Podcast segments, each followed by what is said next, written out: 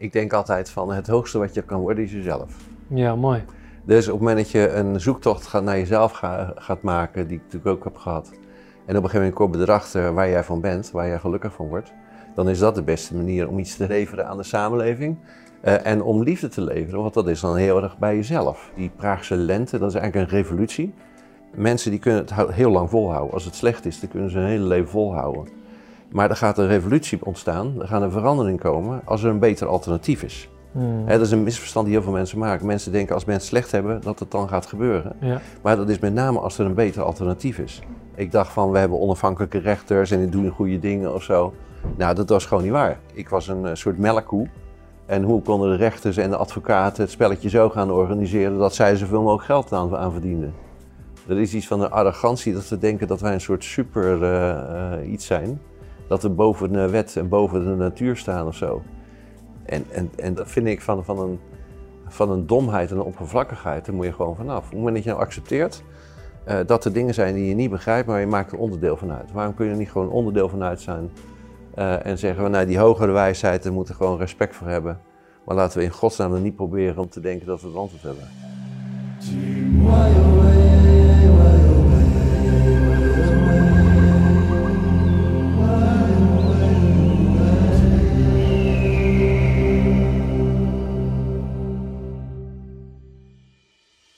Welkom bij deze allereerste aflevering van de Tijdboek Lumens podcast. Super gaaf dat je nu al vanaf het begin meekijkt. Ik heb er zelf onwijs veel zin in. Niet alleen in eh, dit gesprek vandaag, maar ook in de serie die we gaan maken. Nou, wat we gaan doen is, eh, we gaan zoeken naar antwoorden op de vraag...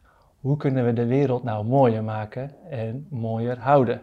Hoe kunnen we nou harmonie brengen en behouden? Nou, dat klinkt misschien eh groots, maar we zien eh, heel veel mogelijkheden. Daar gaan we vandaag dus ook over praten. En in onze ogen eh, is er niemand die zo'n goed fundament heeft weten neer te leggen voor het tijdperk waar we voor staan dan professor Dr. Bob de Wit. Dus we vinden het geweldig dat we hier vandaag kunnen beginnen. Dus eh dankjewel voor de gastvrijheid, Bob. We zijn heel benieuwd naar jouw inzichten vandaag. Maar eh, allereerst, eh, hoe gaat het met je? Ja, goed. Eh, druk, hè? sinds de publicatie van mijn boek veel interviews en podcasts, hè, ook met jou gedaan. Ja, ja. Ehm, gedachtegoed wordt, wordt steeds bekender. Ehm, mijn ideeën beginnen ook steeds beter te ontwikkelen. We hebben inmiddels ook een, ja, niet alleen maar geschreven, maar we zijn het ook aan het uitvoeren. Dus we hebben een coöperatieve vereniging Society 4.0 opgericht. Daarin zijn we de visie in het boek zijn we aan het uitwerken met allerlei regio's. Eh, Mhm. dus een Nederlandse vertaling van het boek eh, eh, is gemaakt. Er komen buitenlandse vertalingen, dus het gaat allemaal op rolletjes. Gaaf. Wanneer is het boek precies uitgekomen? December 2020. Aha. Ik ben heel benieuwd naar al jouw inzichten sindsdien. Ik bedoel, als het geschreven is, staat het daar. Mhm. Maar er is zoveel gebeurd in de tussentijd. Ja. Dus ik ben heel benieuwd daarnaar. Maar ja, we gaan ook nog wel bespreken wat er dan allemaal precies in staat. Maar ja, allereerst zijn we benieuwd, wie is Bob de Wit eigenlijk? Ik bedoel, hoe ben jij hier terechtgekomen? Wat is jouw levenspad? Hoe zag jouw nest er vroeger uit, waar je vandaan komt? Ik ben in eh, Rotterdam geboren. Dus mijn ouders woonden op vier hoog achter in eh, Krooswijk. Dus dat is een, een oude eh en arme wijk van Rotterdam was dat. Ja. Eh, we zitten nu hier in Kralingen. Dat is twee kilometer verder. Dus wat dat betreft, eh, Je hebt het ver geschopt. ik heb het ver geschopt, hè, twee kilometer. eh, maar wel eh, in een andere wijk. Ja. Ehm, ja, ik ben echt wel in een, ehm, eh, in een heel gewoon gezin opgegroeid. Een broer en een zus. Gewoon naar school toe gegaan. Eh, maar eigenlijk al vanaf ja, jongs af aan had ik al het gevoel dat ik toch een ander soort slag was. een Mm. ander soort mens. Mm. Dus ik ben altijd op zoek geweest naar ehm, eh, nou, datgene wat mij boeit, waar ik goed in ben en wat ik wil worden. En, dat, eh, het heeft een lange tijd geduurd inderdaad. Ja. En heb jij ook eh, dingen meegemaakt, eh, periodes van tegenslag? Dat het, want het lijkt allemaal voortvarend. Hè? Als je mensen ziet in het nieuws of in de media, dan lijkt het allemaal mooie plaatjes. Maar wat heeft jou gepokt en gemazeld? Heb jij daar periodes van, voorbeelden van? Ja, vele. Ehm, al, al vrij heel snel eigenlijk al. Ehm, ik was al een beetje een ei- eigenzinnig type, hè, die eh, zelf wilde bepalen welke kant ik op wilde gaan. dat begrepen mensen niet altijd. Dus ik heb er zelfs op de middelbare school, uh, en ik was, kon best wel goed leren hoor. Mm. Mensen zeiden van, nou, dat, dat ateneum dat moet hij maar niet doen, want dat, dat gaat hij niet halen. Want ik, ja, ik, ik, ik leerde nooit. Zo. Ja, ja, ja, ja. ja. Um, en nou, toen ben ik zelf naar de conrector toegestapt uh, en gezegd dat ik in die klas ging zitten. Dus uh, zo'n zo'n type ben ik wel. Ja. Voortvarend. Dus ik laat dat, uh, laat dat niet gauw passeren. Nou ja, en, um, dus eigenlijk altijd voor mezelf opkomen, zelf mijn pad uitkiezen, is altijd wel wat ik geleerd heb vanaf jongs af aan. Um, nou, en, en eigenlijk alles interesseerde me wel. Hmm. maar niks boeide me. Hè, dat is ook een ding. Hè. Dus ik vond het wel interessant, bij de naam was ik er wel weer kwijt. Uh, en dat was eigenlijk tot, totdat ik uh, uh, gevraagd werd op de universiteit om college te geven. Dat was toen bij de Rotterdam School of Management. Ja, ja. Dat was net de business school opgericht en er moest een, een vak strategie gegeven worden. Nou ja, en strategie gaat over de lange termijn. En dat bleek heel goed te, te passen bij mij, want dan moet je ook overal geïnteresseerd in zijn. Mm. want de, de, toekomst is één, dan is het weer een economisch vraagstuk, dan weer een politiek vraagstuk, dan weer een milieuvraagstuk. Dus je moet echt van alle markten thuis zijn. Nou, alles interesseert me. Maar het enige wat me echt boeide was de toekomst begrijpen. Nou, en dat, uh, vanaf daar uh, nou, was mijn pad wel gelegd, ja. Daar zijn we aan het juiste adres. Daar zijn we ook in geïnteresseerd. Weet je, wat zijn de paden naar de toekomst? Ja. Hey, maar als je nou terugkijkt op die, al die paden en trajecten, um, wil je iets delen wat nou een zwarte bladzijde is geweest, of waar je echt op terugkijkt van zo, dat was wel een moeilijke periode? Ja, zeker. Um, ik heb uh, toen vanaf begin af aan een bedrijf opgezet. Uh, dus naast mijn academische werk uh, een strategieadviesbureau op basis van de boeken die we geschreven hadden. Mm met mijn co-auteur. Nou ja, die, die wilde op een gegeven moment wilde het, wilde iets anders gaan doen. Dus heb ik hem uitgekocht voor anderhalf miljoen.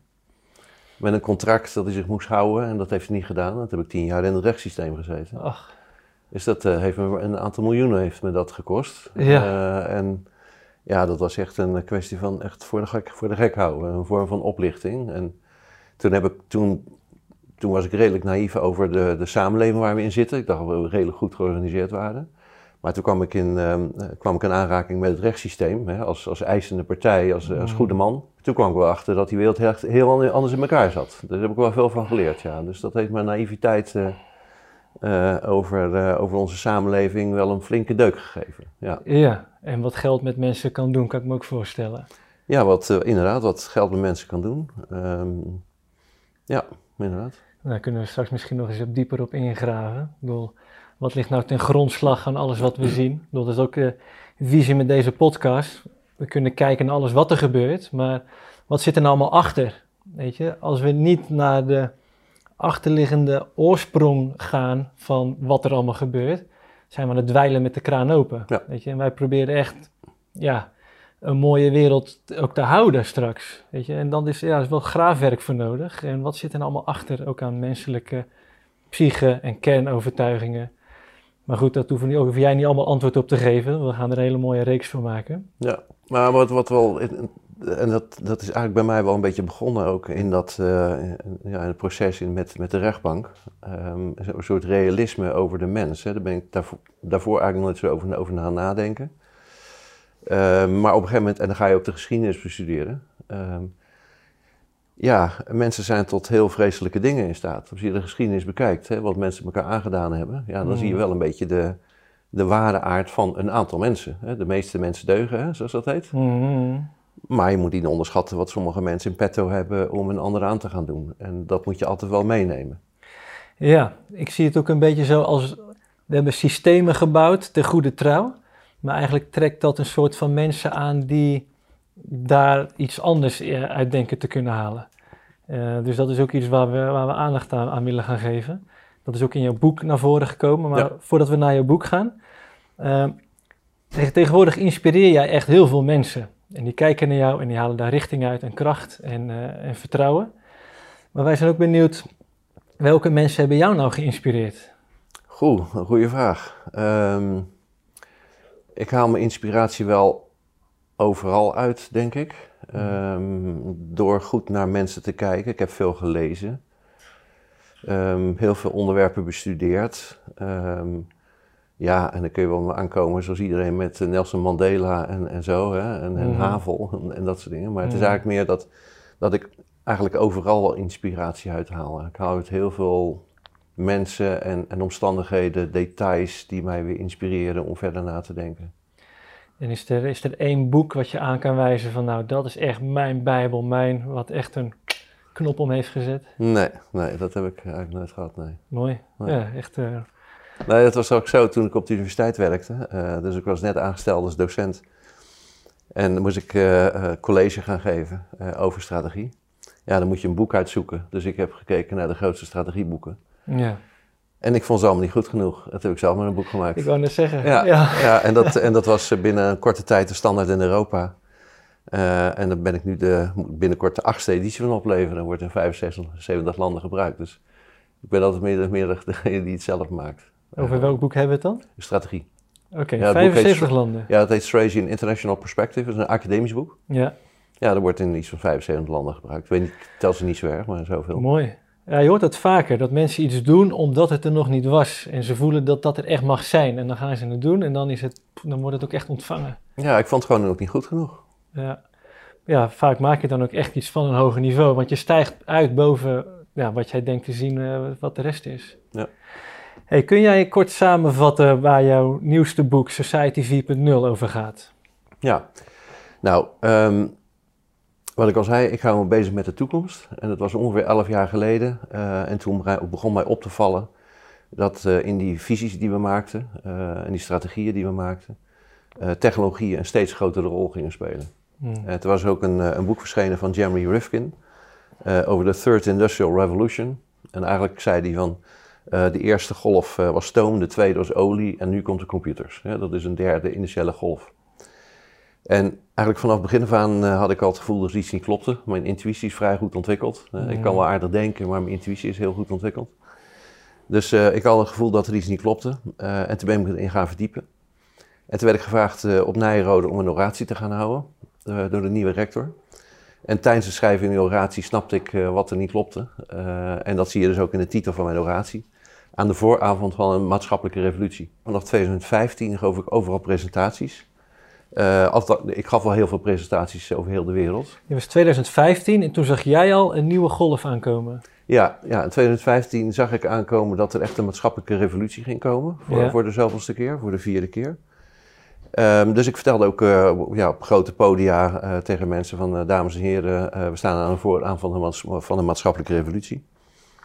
En eh, ja, mensen keken me aan van, ik weet niet wat, wat er met jou aan de hand is, maar ik zie niks gebeuren. Dus eh ja, je zal wel mis hebben. Dus ik zat eigenlijk een aantal jaren te wachten tot het moment zou gaan gebeuren. Ik wist niet wanneer het zou gaan gebeuren, ik, zou niet, ik wist niet wat de aanleiding zou worden.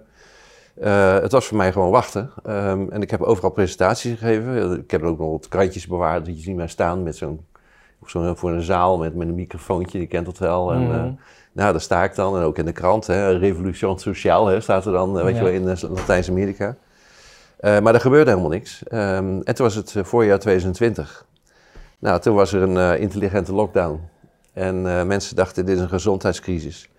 Ik dacht van ja, het zou kunnen, maar volgens mij is dit het begin van een maatschappelijke crisis. Juist. Nou, en daar ben ik toen onderzoek naar gaan doen. Ehm, ja, en zo Hey, is even even terug in de tijd, want wat maakte het, want je zegt stoom, olie, Computers? computers, en, maar er moet nu iets nieuws aankomen. En wat, wa- wat maakte het dat jij echt voelde, nu gaat het komen, nu moet het ongeveer, wat was dat? Nou, kijk, ik, ik zag natuurlijk al een aantal dingen aankomen. Er zijn een aantal grote technologieën eh, eh, die heel, heel veel effect gaan hebben. Eh, bijvoorbeeld kunstmatige intelligentie. Hè? Dat is een van, de, ja, van die technologieën die echt een heel groot verschil gaat maken. En als we dat niet goed weten te reguleren, dan gaan, kunnen er ook hele rare dingen gaan gebeuren. Hmm. Eh, dat was één. Het tweede wat eh, opvallend was, is dat eh, die grote bedrijven, met name die techbedrijven, die zijn groter dan landen. Hiervoor is dat zo dat als je als, als bedrijf ergens zaken wilde doen, ja, dan moest je gewoon aanpassen aan de wetten van het land. Hè, er werd Mhm. eeuwen over gedaan wat, wat mensen belangrijke wetten vinden. Zoals de vrijheid van meningsuiting, om maar eens even wat te noemen. Ja. Maar nu zijn die bedrijven groter dan Nederland, groter dan Duitsland, groter dan Engeland. Mensen hebben geen idee hoe groot die bedrijven wel zijn. Groter qua vermogen. Ja, ja en, en, en omzet. eh, en, en, eh, en, nou, en wat je dan doet, hè, als je dan op zo'n sociaal, sociaal platform wil zitten, Ja, dan moet je tekenen bij het kruisje. Dan moet je, en dan moet je, eh, dan moet je tekenen voor hun wetten, als het ware. Mhm. Nou, en in die wetten staat geen vrijheidsvermeningsuiting. Ja. Eh, er staat meer in, we willen zoveel mogelijk geld verdienen. Dus als jij dan dingen wil doen en het is niet goed voor hun winst, dan word je er gewoon afgegooid. Hè? Ik heb veel di- dingen gepubliceerd over de mortaliteit, over de, dat, dat mondkapjes niet werken. Ik bedoel, eh, ik heb het gehad over de baas van de WHO, wat zijn achtergrond is en zo. Ik heb gewoon allemaal alleen maar feiten gedeeld of zo. En iedere keer werd ik eraf gegooid. Het Mm. was zelfs zo toen, toen ik een keer een interview had gehad met eh, Flavio Paschino over Blackbox. dat was 300.000 keer bekeken. Eh, nou, ik zeg van, nou, ik 300.000 keer bekeken, ben ik er ook weer afgegooid. Ja. Dus LinkedIn is nou zo'n voorbeeld, dus met Facebook natuurlijk ook. Ja, die, die zijn alleen maar uit op hun eigen winst en zo. Die, die, die hebben dus een, een sociaal domein hebben ze eigenlijk in, eh, in bezit als een soort monopolist. En ze kunnen die maatschappelijke verantwoordelijkheid helemaal niet dragen. Het zijn gewoon winstbeluste, eh, platte organisaties. eh, die, die zijn het gewoon niet waard om er te zijn eigenlijk. Niet democratisch. Weet je, de ingebouwde incentives die zijn naar de aandeelhouders, niet naar de stakeholders of de burgers, zeg maar. Ja, je, je hebt dus een, een, een publiek domein eigenlijk. Hè. Ze hebben een bepaalde rol in een publiek domein. Mhm. Ja, dan, dan is het een balans vinden tussen eh, winstgevendheid en verantwoordelijkheid. Ze mogen van mij winst maken, maar je moet ook weten dat je een bepaalde verantwoordelijkheid hebt. Hè? Eh, Ja. en dat is eigenlijk natuurlijk in heel veel sectoren aan de hand. Hè? Dat je mag wel winst maken, maar je moet je verantwoordelijkheid nemen. Dat geldt in de farmawereld precies hetzelfde. Ja. Ze zijn helemaal doorgeslagen naar de ene kant. En aan de andere kant, daar voelen ze helemaal niks voor. Nou, dat is met die sociale platforms ook. Eh, dat is met heel veel van de, van de financiële instellingen ook zo. Dus de balans tussen winstgevendheid en verantwoordelijkheid, eh, die is gewoon helemaal zoek. Ja, ja. Nou, en dat is een soort ziekte van, van deze samenleving. Ja. ja, en een hoop mensen zeggen dat, maar jij bent ook iemand die dat echt ja, krachtig en intellectueel heeft onderbouwd. Onder andere in je boek, maar ook Ja. op LinkedIn en in de video's. Je hebt uitzendingen gehad bij Café Welsmets en. Blackbox en Ja. dat is bij elkaar of ja, meer dan een half miljoen, misschien wel een miljoen keer bekeken. Maar je bent ook gecensureerd. Je LinkedIn-profiel is verwijderd. Ja. Hoe kijk jij daar dan tegenaan, bijvoorbeeld dat met het verhaal nu met Elon Musk, dat hij Twitter gaat overnemen om de vrijheid van meningsuiting? Nou ja, kijk, we moeten ons goed realiseren. We zijn 250 jaar zijn we in een industriële samenleving hebben we geleefd. Mhm. hè. Eh, met een bepaalde wetten en bepaalde processen. Daar zijn we uit. En tegelijkertijd zijn we bezig met de- voor de vierde keer een nieuwe samenleving bouwen, Society 4.0. Nou, die overgangsperiode tussen twee samenlevingen is altijd onrustig. Ehm, hè, mensen die zien het niet, mensen willen het niet zien, mensen willen misbruik maken, mensen willen bouwen en mensen willen bij het oude blijven. Een hele onrustige periode, dat is het nu ook. Ehm, en wat mensen heel vaak doen, is al heel snel opdelen in goed en slecht. En dus bijvoorbeeld, werk je daar, oh, dan ben je slecht. Werk je daar, oh, dan ben je slecht. Mhm. Eh, ben je rijk, oh, dan zal je wel zo. Mhm. En dat moet je heel erg nuanceren. Eh, want ook, kijk, er zijn natuurlijk nu een aantal hele grote aandeelhouders... die eigenlijk alleen maar voor hun eigen win- gewin gaan, voor hun eigen belang gaan. Maar niet iedereen. Eh, en er zitten gewoon mensen die, die in hen inherent gewoon ook wel deugen. Hè? Ja. Ehm, bijvoorbeeld ehm, Elon Musk is iemand die spreekt zich uit. Dat heeft hij een aantal keren gedaan. Hij vindt gewoon dat vrijheid van meningsuiting een belangrijke eh, basis is van onze samenleving. Eh, nou, en als er dan gecensureerd wordt, en hij heeft er ook last van, Donald Trump heeft er last van, hè, die, die mogen niet zeggen wat ze vinden. Nou, dat hoort niet bij een beschaafde maatschappij. Dat vind ik en dat vindt hij ook. En hij heeft zoveel geld dat hij iets aan kan doen. Dus dat onderscheid maken, niet altijd mensen die rijk zijn zeggen van nou, die deugen dus niet. Hè, of die mensen die deugen dus allemaal wel. Dat is ook niet waar. Ja, nee, dat klopt. Weet je wat je zegt? Het, het eh, gaat een soort van rechtvaardiging geven om mensen dan maar te censureren, want ze zijn slecht. En eh, wat, wat ze zeggen dient het geheel niet. Het is schadelijk. Maar ja, wat dat in de langere termijn dan als gevolg heeft, is echt een ja, polarisatie. Dat echt kampen ontstaan. Hè, wat, wat volwassen zou zijn of wat democratisch zou zijn, is om dan de dialoog gaande te houden van... Ja. Wat, wat, laten we nou eens echt alles op een rijtje zetten. Ja. Maar ja, op deze manier gaat het alleen maar verder uit elkaar. Nou ja, kijk, het polariseren, er zit een, eh, een wens achter van een aantal mensen. Hè? Dat, is, Mm. dat wordt eh, ingezet. Eh, en er zijn een aantal mensen die willen graag een optie hebben van een top-down maatschappij. Eh waarin de mensen met heel veel geld en macht nog meer geld en nog meer macht krijgen. En in die stroom, om dat voor elkaar te krijgen, willen ze eigenlijk zoveel mogelijk mensen met andere beelden, andere perspectieven op de samenleving, die willen ze uit elkaar spelen. Juist. ze willen als het ware de, de tegenkrachten willen ze eh, fragmenteren en versplinteren. Ja, dus eigenlijk willen ze de wereld voortzetten hoe die altijd al is geweest. Met dat top-down, een soort piramidemodel. Nou, die, die er een heel lang is geweest. Niet altijd is geweest. Ja, in de menselijke geschiedenis, sinds we zijn gaan opschrijven wat er is gebeurd, is er eigenlijk altijd een top-down maatschappij geweest. Vanaf begin af aan had je, dat noem ik dan Society 1.0. Een, een feodaal tijdperk was dat. Hè? Uh, en hoe kwam dat? Omdat de, de belangrijkste bron van economische waardecreatie was door landbezit. Want dan kon je namelijk agrarische producten verkopen. Dus als je heel veel land had, dan was je rijk en machtig. En als je geen land, dan was je arm en machteloos. Hè? Dat is, uh, um, en, daarna, uh, en daarna kwam weer een andere vorm van economische waardecreatie. En dat was weer meer door handel. Ja, en toen zag je dus dat die landeigenaar, die adel, ja, die, die waren niet meer de machtigste. Hè? Dat waren de handelaren. Uh, hè? Dat, die waren, en, en je had regenten. Uh, en die zorgden voor het volk. Dus het was niet echt een, een democratie. Maar het was niet zo ontzettend top-down gestuurd als daarvoor. Dus we zagen echt wel een verandering. En het hele idee van democratie is natuurlijk geweest om de, de wens van het volk op te halen. Hè? Iets ja. te doen voor iedereen. Hè? Dus toen is het wat verder gegaan. Dus is het helemaal meer bottom-up geweest. Maar in al die tijd zijn er mensen geweest die altijd dachten van ja, dat is gewoon, eh, het moet toch weer top-down worden. Ik bedoel, je hebt in de hele wereld heb je altijd uh, tirannen gehad. Uh, uh, die, die de baas wilden zijn en een eigen leger hebben en de mensen onderdrukken en zo. Dus dat zit bij een aantal mensen zit dat gewoon in. Die willen graag op ja. spelen. Ja. ja, ik ben misschien ook, ook naïef, maar ik kan me ook voorstellen dat mensen graag de controle willen houden. Omdat zij weten, dan gaat het in ieder geval goed. Met hun idee van goed. En als ze die controle uit handen geven, ja, wat gaat er dan gebeuren?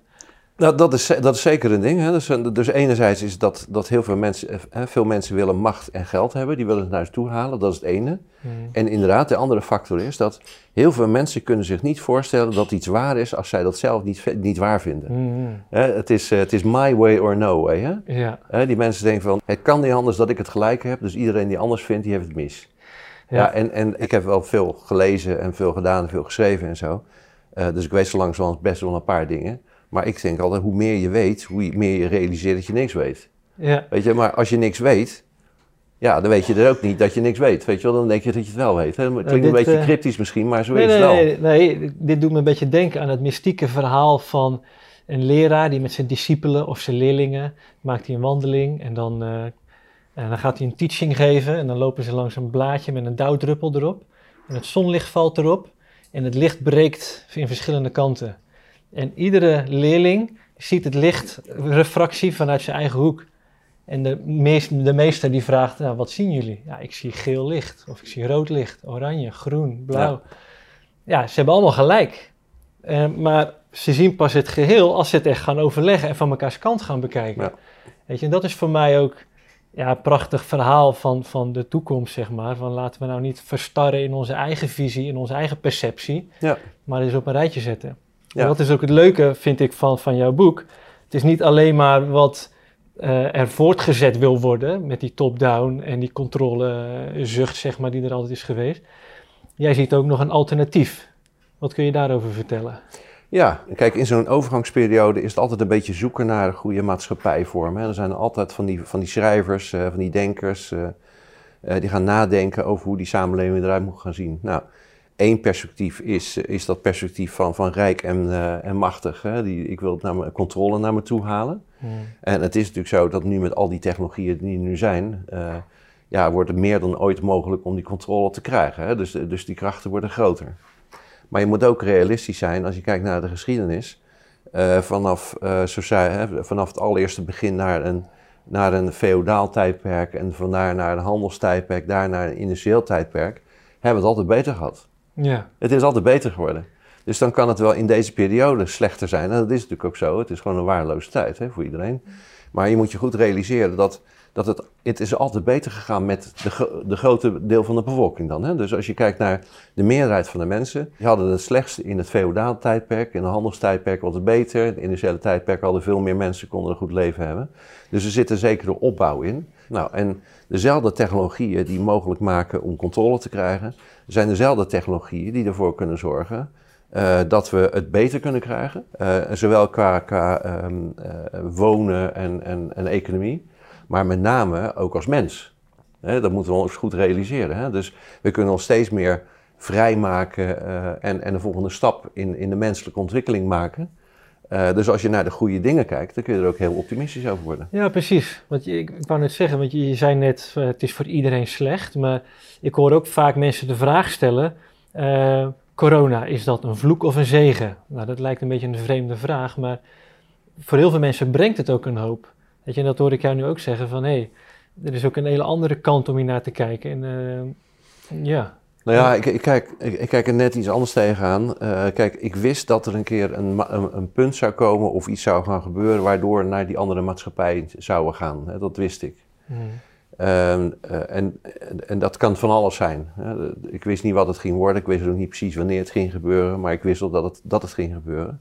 Ja, in, dat, in dit geval was het dan kennelijk een, uh, ja, een gefabriceerd virus die dat verschil heeft gemaakt. Maar dat had ook iets anders kunnen zijn. Ja. Hè. En, ja, ik zou dat nog in het midden willen laten. Of dat, maar dat het misbruikt wordt voor een andere doel, zeg maar. Dat, dat is wel iets wat, wat inmiddels wel echt vast te stellen is. Ja, um, ja nou ook, ook daar heb ik uiteraard onderzoek naar gedaan. Hè, want ik, ik geloof nooit iets, ik, ik onderzoek alles zelf. Ja, ja.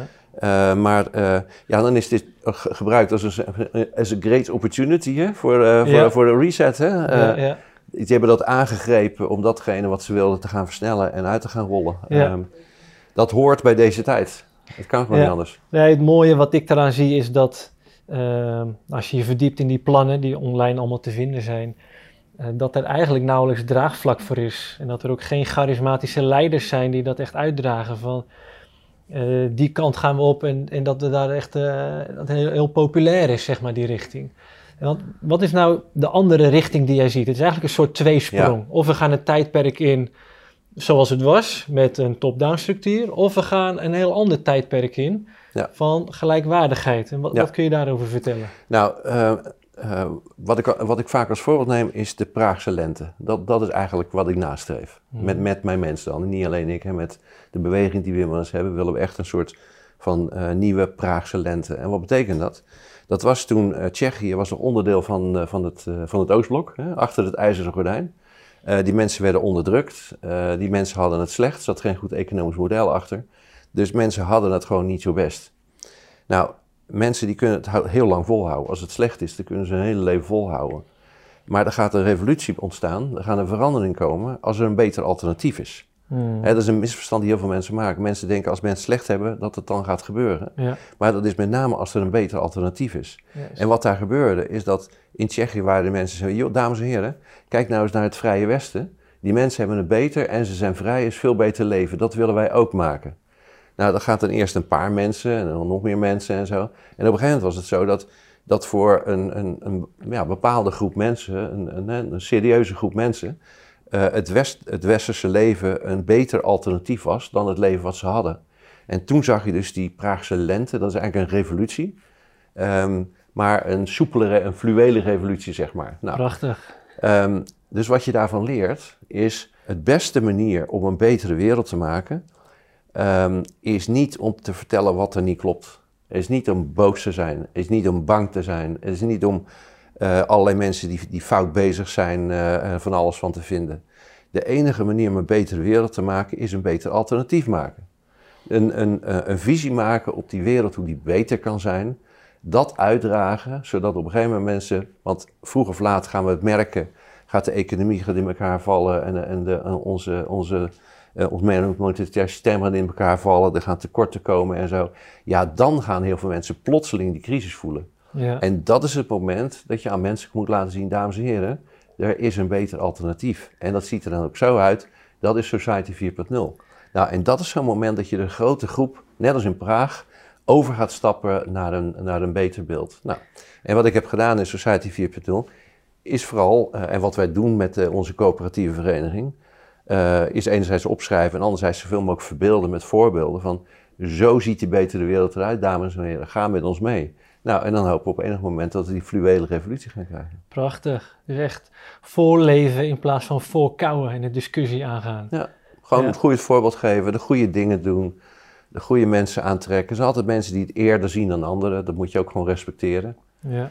Uh, er zijn mensen die zien het later, nou, dat moet je ook respecteren, daar moet je niet boos op worden. Ik bedoel, uh, uh, ja.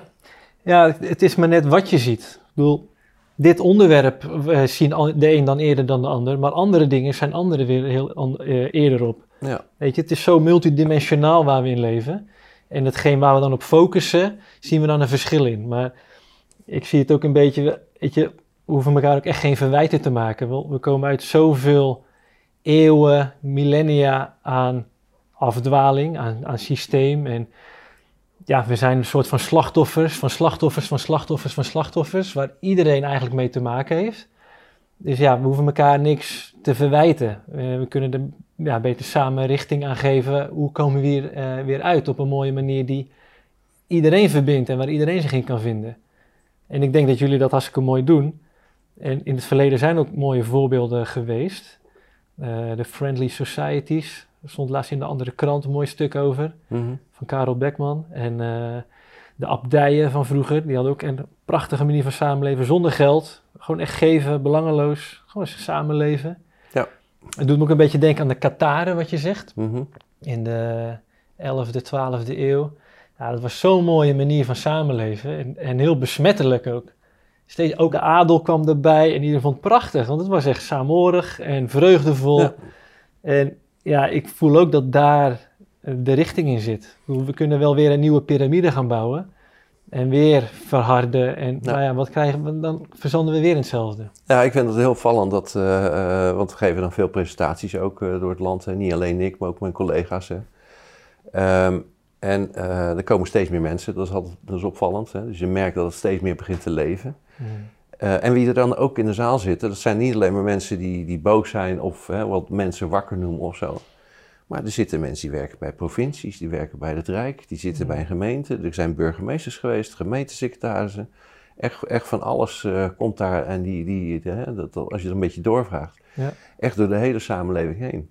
Ja. Ehm, kijk, de eerste mensen die zien dat er iets fundamenteel aan het veranderen is, dat zijn de mensen die daar last van hebben. Hmm. Ja, dus bijvoorbeeld de boeren. Ja? Die merken dat heel goed. De vissers. Ehm, hè, dat, eh, de vrachtwagenchauffeurs. Weet je wel? Dat zijn de mensen die het meteen merken. En, eh, en die zitten in de voorhoede. Hmm. Ehm, als je zelf eh, zeg maar een salaris van het Rijk hebt en je wordt lekker betaald en je hoeft alleen maar thuis te werken, dat is het ongeveer. Dan is de urgentie het minst groot. Maar dat wil niet zeggen dat ze niet wakker zijn. Hmm. Eh, Alleen die, die laten het niet zo heel prominent laten ze dat zien. Maar ze zijn er wel. Eh, en, en dat, dus je merkt zo langzamerhand, en die willen gewoon weten van, hoe ziet jouw wereld er nou uit? Hmm. Ben jij een beter alternatief? Wat jij te bieden hebt, is dat aantrekkelijker Precies. dan waar ik zit? Precies. Dat je, is wat wij doen. Als je schreeuwende mensen ziet, of op een demonstratie of een beeld, wat de NOS dan in beeld kan brengen, dat is niet aantrekkelijk. Nee. Weet je, ook al hebben ze inhoudelijk gelijk, Ja. je voelt, daar wil ik helemaal niet bij zitten. Word Zo ik dan ook dat. zo boos? Ja, niemand wil die energie hebben. Ja, zo is dat. Ja. Kijk, in zo'n overgangsperiode is altijd een ecosysteem. Hè? Eh, je hebt ook inderdaad demonstranten nodig. Die heb je gewoon nodig. Je hebt politici nodig, die Ja. heb je nodig. Ehm, maar mijn rol is, is eh, om na te denken, te schetsen hoe die betere wereld er is. Ehm, en, en iets maken wat voor iedereen eh, interessant is. En, en wat met name ook eh, een belangrijke factor is. Als mensen kinderen hebben, Hmm. dat is, dat, dat is vrij makkelijk overtuigen. Hmm. Ja, want dan kunnen ze wel zeggen, ja, ik heb het hier prima, weet je wel. En dan houden ze, hè, schermen ze zich een beetje af. En die willen de nare dingen gewoon niet onder ogen zien. Hè. Dat, dat, dat schermen ze een beetje af. Maar als ik ze aanspreek op, eh, heb je kinderen? Ja. En wat voor wereld zijn we aan het maken? En dan zie je ze helemaal schrikken. Hmm. Dan plotseling denk ik van, ja, dat is godverdomme, dat is nog waar ook. Hmm. Eh, we doen het niet voor onszelf, we doen het voor, het- voor, het, eh, voor de nieuwe generatie. Ja, Nou, en op het moment dat je dat, dan, dan, dan raken ze die mensen in het hart, in de ziel. En dan zeggen we, joh, het hoeft niet per se mijn wereld te zijn of zo. Ik bedoel, als jij een ander idee of een beter idee hebt, dan ben ik het eerste die het zal zeggen. Maar laten we wel met z'n allen gaan werken aan een betere wereld. Laten we dat nou gaan doen voor ons nageslacht. ja. Ja, en dat is heel verbindend. Dat, daar, daar, daar, daar raak je mensen mee. Ja, ja, mij nou ook. nee, absoluut. Weet je, je hebt eind 2020 eh, dat boek uitgegeven. Ja. Daarvoor heb je het geschreven. En, Ja. eh, maar we zijn dan ja, anderhalf jaar verder. Wat is jouw voortschrijdend inzicht sindsdien? Hè, er is een oorlog uitgebroken in Oost-Europa. Ehm, waar, waar staan we nu? Weet je, op die T-splitsing, op die grote tweesprong. Hè? Gaan we naar die top-down maatschappij of dan gaan we naar de mensenmaatschappij? Waar staan we voor jouw gevoel op dat pad? Ehm, nou, als ik in de geschiedenis kijk, dan is zo'n overgang van het ene samenleving naar het andere duurde altijd zo'n zes à zeven jaar. Mhm. Nou, zou je kunnen zeggen, we zijn twee jaar onderweg. Ja. We hebben nog een paar jaar te gaan. En in die paar jaar krijg je dus uh, steeds meer dat verschillende toekomstige maatschappijbeelden ehm, uh, die, gaan, uh, ja, die gaan prominent helder worden. Mm. Um, er, worden, er gaat een versnelling plaatsvinden voor mensen die geloven in een top-down samenleving. Mm. die gaan nog harder trekken en die gaan nog meer macht uitoefenen. Um, en er gaan steeds meer mensen ook denken van ja, dat is toch niet de wereld waar we naartoe gaan, waar we naartoe willen met z'n allen. Dus de spanning zal toenemen. Het zal er een paar keer uit de hand lopen, denk ik. economisch gezien, ja, de hoeveelheid schulden die er nu zijn, is zo enorm er gaan landen gaan de fiets, uh, die gaan gewoon fiets. Um, ja. er gaan hele landen en, en bedrijfstakken gaan uh, ja, afhankelijk worden van, van een bepaalde financiële sector, uh, van bepaalde, um, en van bepaalde machthebbers of zo. Um, dus die crisis gaat helderder worden voor mensen. Ja. nou ja, en, en dan gaat de urgentie toenemen. en dan gaat ook zeg maar het belang van een hoopvol alternatief gaat spelen. Kijk, wij, wij hopen namelijk uh, dat uh, we zijn echt aan het bouwen, maar ja, je bouwt gewoon niet een toekomst in een half jaar. Uh, dat duurt gewoon even een tijd om dat op orde te krijgen en zo. Dus we hopen dat we nog even de tijd hebben om verder voor, voor te bouwen. Je ziet sommige mensen denken van, oh, het valt wel weer mee, weet je wel. Maar het is maar net begonnen. Hè? Mm. Dus, dus we moeten echt wel door gaan bouwen. en als we dan echt iets hebben staan, um, en, en breekt echt de crisis uit, ja, dan heb je een hoopvol alternatief. En dan kunnen we die fluwele revolutie gaan aankondigen. Mooi. Hey, voor de luisteraars, uh, wat, wat kunnen mensen nu concreet met, met jouw toekomstvisie? Wat zijn nou echt actiepunten wat, wat mensen op kunnen pakken om zich voor te bereiden op de jaren die gaan komen? Um, nou ja, als mensen actief willen worden, passieve, um, heel veel mensen willen passief zeg maar, bijdragen, dat is ook prima. Mm. Uh, maar als je actief wil worden, dan kan op verschillende manieren. We hebben dus die coöperatieve vereniging opgericht. En eigenlijk is, de, is dat gebaseerd op de visie in het boek en in de gids Regio 4.0, die hebben we gemaakt als vervolg. Wat wil zeggen dat we moeten meer naar de mensensamenleving toe. Ja. Uh, dus we moeten weer meer terug naar de menselijke maat. Uh, en dat wil zeggen in de regio. dus je gaat weer terug naar een regio waar je weer gevoel hebt bij je, bij je geschiedenis, bij de cultuur. Hè. Wij horen bij elkaar. Uh, dus we gaan weer meer om zeg maar, de, de menselijke kant op. Nou. Als ik even mag onderbreken, dit vind ik dus heel interessant. Een van de grootste misvattingen waar ik ben achtergekomen met, met Lumens is dat we zijn gaan denken dat we kuddedieren zijn. Maar mhm. in wezen zijn we stamwezens. Mhm. Dat is eigenlijk onze natuur. En als ik jou dan hoor zeggen terug naar het lokale, denk ik ja, we gaan dichter terug naar wat we in onze genen herkennen wat, wat, wat, wat stroomt, wat resoneert. Dat we overzicht hebben, dat we niet het overzicht kwijtraken, dat we weten wat we aan elkaar hebben, dat we elkaar kunnen vertrouwen, dat er een sociale controle is. Ja. Dus ik vind die richting heel mooi. Ja, nou ja, kijk, en in die zin is een verschil met, eh, met vroeger. Hmm. Is dat, uh, enerzijds klopt het, hè, we gaan weer terug naar een menselijke samenleving. Uh, dat aan de ene kant. En aan de andere kant, via al dit soort digitale technologie zijn we ook wereldwijd verbonden. Hè, dat noem ik dan ook local, hè, om even globaal en lokaal aan elkaar te koppelen. Ja, mooi. Uh, dus we gaan wel terug naar die menselijke samenleving, maar tegelijkertijd ben je ook onderdeel van een wereldgemeenschap uh, op, op allerlei, op, via, via digitale technologieën kan dat gewoon. Dus het is en-en, het is niet of-of, maar het is allebei.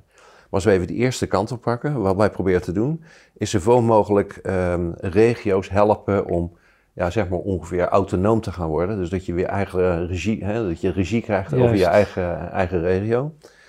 Um, uh, en op die manier bouwen we zeg maar meer, een heleboel regio's in Nederland, maar ook daarbuiten gaan we dat natuurlijk doen. Hè? Hmm. Um, en mensen kunnen gewoon zeggen van nou, als ik actief wil worden, nou, en je zit in West-Friesland of in Zeeuws-Vlaanderen of in Friesland of in Groningen of, uh, of in Vechtdal of, uh, of Gelderse Vallei, dat zijn allemaal regio's waar we mee zitten.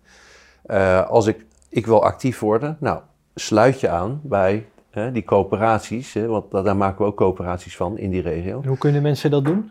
Gewoon bij ons, aan, gewoon bij ons aanmelden. Op de website? Ja, kan gewoon naar onze website, Society 4.0. Ja. Uh, en uh, daar, daar, staat ook met, ja, daar kun je ook vinden waar, als je actief wil worden, moet je gewoon een berichtje achterlaten en dan zijn er alle mensen die volgen dat op. Dus, dus je kun je heel actief gaan inzetten om die regio verder te gaan ontwikkelen, volgens onze visie. Het uh, kan ook zijn dat, uh, dat, dat je ook een, een grotere rol wil oh nee, geen grotere rol, maar wel een, een algemene rol wil spelen. We hebben in, uh, als vervolg op het boek hebben we Gids Regio 4.0 gemaakt. En we gezegd van als we een nieuwe samenleving bouwen, dan doe je dat niet met een onderdeel, maar je moet je integraal op negen maatschappelijke domeinen tegelijkertijd gaan doen. Ja. En die negen domeinen, dat gaat dan over democratie moet opnieuw uitgevonden worden. Uh, het gaat over lokale economie. Het gaat over eigen bankieren en je eigen geld, hè, je cryptogeld. Uh, het gaat over decentraal internet om los te komen van die techbedrijven. Het gaat over water en energie. Het gaat over samenwonen, dus nieuwe woonconcepten. Lokaal en gezond voedsel. Uh, leren ontwikkelen, hè, dat, wat we vroeger onderwijs noemden. Mm. dat zijn allemaal domeinen die moeten we tegelijkertijd gaan ontwikkelen. Nou, voor elk van die domeinen, dat zijn heel, ja, voor sommige mensen heel gespecialiseerde domeinen. Bijvoorbeeld uh, decentraal internet, nou, daar moet je echt wel wat kennis voor hebben. Ja. Dat, dat, dat, dat, dat, dat kun je niet zomaar. Um, dus als je zegt van nou, dat is een achtergrond, daar, kan, daar, hè, daar heb ik wel een beetje verstand van, dan kun je ook daar aansluiten en mee willen bouwen aan het bouwen van een decentraal internet. Loskomen van die techbedrijven. Of als je verstand hebt van energie, help mee met het, uh, met het loskomen van het hele energiesysteem, wat, wat natuurlijk, uh, nou ja, dat weten we natuurlijk nu, misgaat. Dus mensen kunnen heel actief daaraan bij gaan dragen, inderdaad. Ja, heel mooi. Hey, en als hand, dit... uit, de mouw, hè, zeggen we in Rotterdam. Ja, ja, ja. Ja. mooi uh, lokaal uh, jargon. Ja. Um, ja, ik, ik zie dat ook voor me, hè, dat, dat, dat nieuwe ze opbouwen. Maar wat gebeurt er zeg maar, met de oude wereld, die, die top-down wereld? Dat gaat steeds meer wringen. En hoe zie jij dat? Gaat het vanzelf instorten of wat, wat gaat daarmee gebeuren? Nou, de mensen die de top-down maatschappij willen, die gaan steeds harder duwen. Hè, die, uh, want die, die raken de grip op dit moment een beetje kwijt. Mm -hmm. Gaat niet helemaal zoals ze willen. Dus die gaan harder lopen trekken en zo. Dus dat is de ene kant, dus daar moeten we rekening mee houden. En de andere kant, ja, die oude systemen, die oude industriële systemen, die storten gewoon in elkaar. Het Ja. werkt gewoon niet meer. Ik bedoel, neem nou, uh, en dat geldt voor alle dingen, het bankensysteem werkt niet meer. Um, democratie werkt niet meer. We hebben gewoon een, een, een, een, ja, een soort van partijendemocratie. Hè? Met, met links, arbeid, rechts, kapitaal. Ja, dat werkt helemaal niet meer, weet je wel. Dat is, Ja. Dus al die systemen die gaan vanzelf instorten. Daar hoef ik niks aan te doen. Dat doen Ja. ze zelf wel. Ja, wat je net ook zegt, hè, de, de wens is steeds meer zeggenschap naar het lokale. En die wens voel je ook bij veel mensen om Ja. autonomer te worden. Ja. Tegelijkertijd zie je dat er steeds meer zeggenschap naar centrale organen gaat. Ja. Eh, ook de EU bijvoorbeeld. Ja. Hoeveel wetten die al maken die overroelend zijn voor wat wij hier. Dat is eigenlijk, ja, dat gaat gewoon over waar wij voor gestemd hebben. Bedoel, er zitten mensen wetten te maken die wij niet eens kennen bij naam. Ja, nou ja, het- waren net, eh, het- het- toen zijn we het gesprek in iets andere wending ingegaan. Maar ik had aangegeven dat er een aantal grote ontwikkelingen zijn. Eh, dus ehm, eh, bijvoorbeeld die techbedrijven die groter zijn en zo. Hè, dat, dat heb ik allemaal eh, hebben we wel iets over gehad. Maar er zijn nog meer ontwikkelingen. En dat is dat eh, de grote vraagstukken, de grote publieke vraagstukken, die gaan we in Nederland niet oplossen. Hè. De plastic soep of zo gaan we niet Hmm. oplossen. Dus er zijn nu al 40.000 NGO's, hè, non-governmental organizations Ja. zeggen democratieën. Neem een aantal hele rijke mensen die willen de baas spelen over de wereld in een of andere caritatieve organisatie. Dat is ook geen democratieën. Verenigde Naties is geen democratie. Europa is geen democratie. Die grote bedrijven, die noemen corporate states, zijn ook geen democratie. Mhm. Dus op wereldschaal, ja, daar, we hebben gewoon geen governance systeem. We hebben gewoon geen besluitvormingssysteem met enige eh, democratische feedback. Dus, dus dat systeem, dat, dat wereldsysteem waar besluiten worden genomen, zit geen feedback op, zit geen democratie op en dat gaat vanzelf fout. Ja. Maar inmiddels proberen ze zoveel mogelijk van de, van de wetten en van de besluitvorming naar dat soort partijen te, te, te over te hevelen. Ja. Dus, dus gaan we dingen besluiten, gaan we het in Den Haag, geven het aan de WHO of geven het aan Europa, weet je wel. We- hè, dus een aantal partijen zijn bezig om zo'n top-down maatschappij te maken door de besluitvorming en de macht over te geven aan die centrale organen. ja. Nou, daar zijn ze mee bezig. En, en voor zover het lukt, dan zijn ze steeds stapjes, stapjes aan het maken. Alleen zij onderschatten dat er op enig moment eh, toch een meerderheid van de mensen doorheeft dat dat niet de goede richting is. Ja, en dan krijg je toch die, die, die, die, botsing tussen twee, twee wereldbeelden. Ja. ja, in eerste instantie lijkt het logisch om die centrale problemen ook centraal aan te pakken. Dus het wordt wel goed verkocht, weet je? het wordt eh, aan- aannemelijk gemaakt. Maar stel we zitten in die mensenmaatschappij, hoe zie jij dat dan voor je om centrale problematiek aan te pakken? Nou, eh, ik denk dat de, de meeste vraagstukken, die moet je zoveel mogelijk decentraal neerleggen. Hè? Ja. Ehm, in de regio neerleggen. De meeste dingen die wij belangrijk vinden, Hè? En dat is, eh, dat is school en dat is eh, voedsel en nou, eigenlijk de meeste dingen, hè? gezondheid. de meeste dingen kun je gewoon regionaal oplossen. Hè? Dus daar heb je helemaal geen grote Nederlandse overheid voor nodig of een groot Europa voor nodig. Ja. dat zijn allemaal instituten uit het verleden, weet je wel. Dat, dat, die gaan zichzelf natuurlijk niet zomaar opheffen of zo, maar eigenlijk zijn ze steeds minder nodig als het ware. Daarnaast is het zo dat er op een hoger niveau moet ook iets van een besluitvorming plaatsvinden voor de vraagstukken die boven regionaal zijn. Dus daar moet iets komen. Nou, traditioneel wordt het altijd hiërarchisch opgebouwd.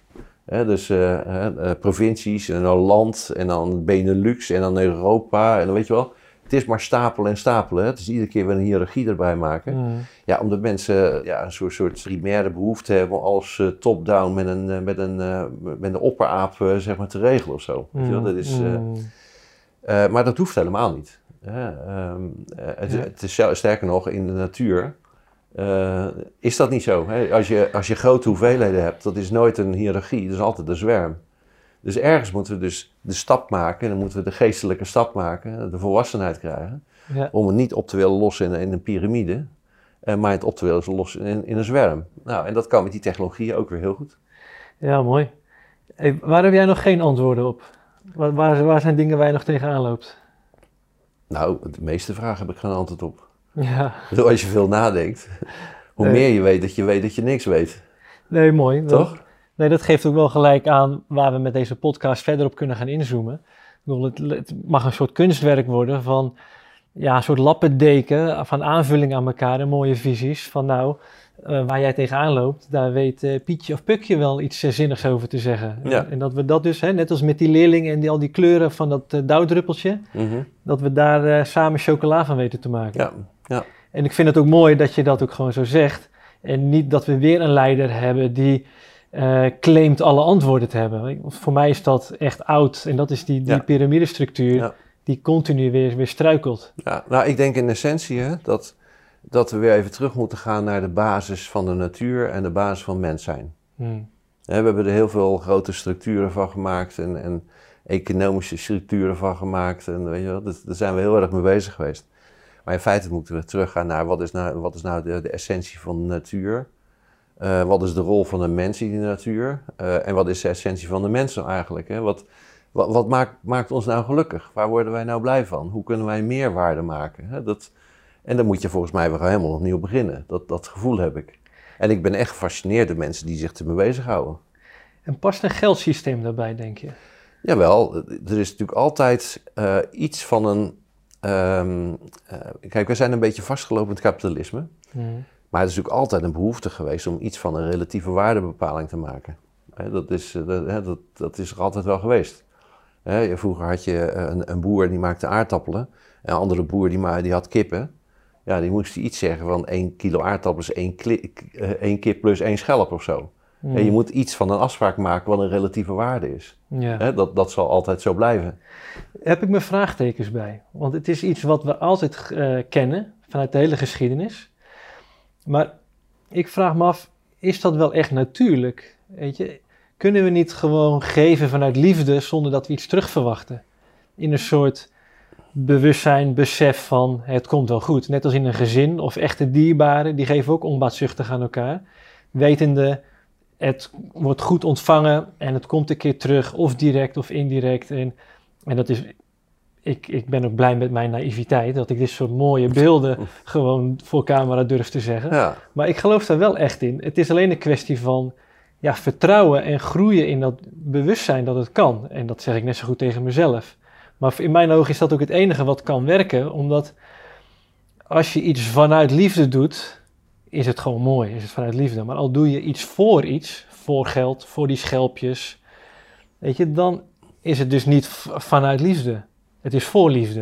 En het is maar net wat je bovenop hebt staan in hoe het eruit komt te zien en waar het zich vervolgens heen ontwikkelt. Ja. Weet je, in mijn ogen heeft een geldsysteem altijd weer een soort ik-richting. Van ik moet verzamelen. In plaats van het vertrouwen te hebben, we hebben genoeg. Er is genoeg voor iedereen. Nou, als ik dat zo mag zeggen, ik denk dat dat een, uh, een manier van denken is.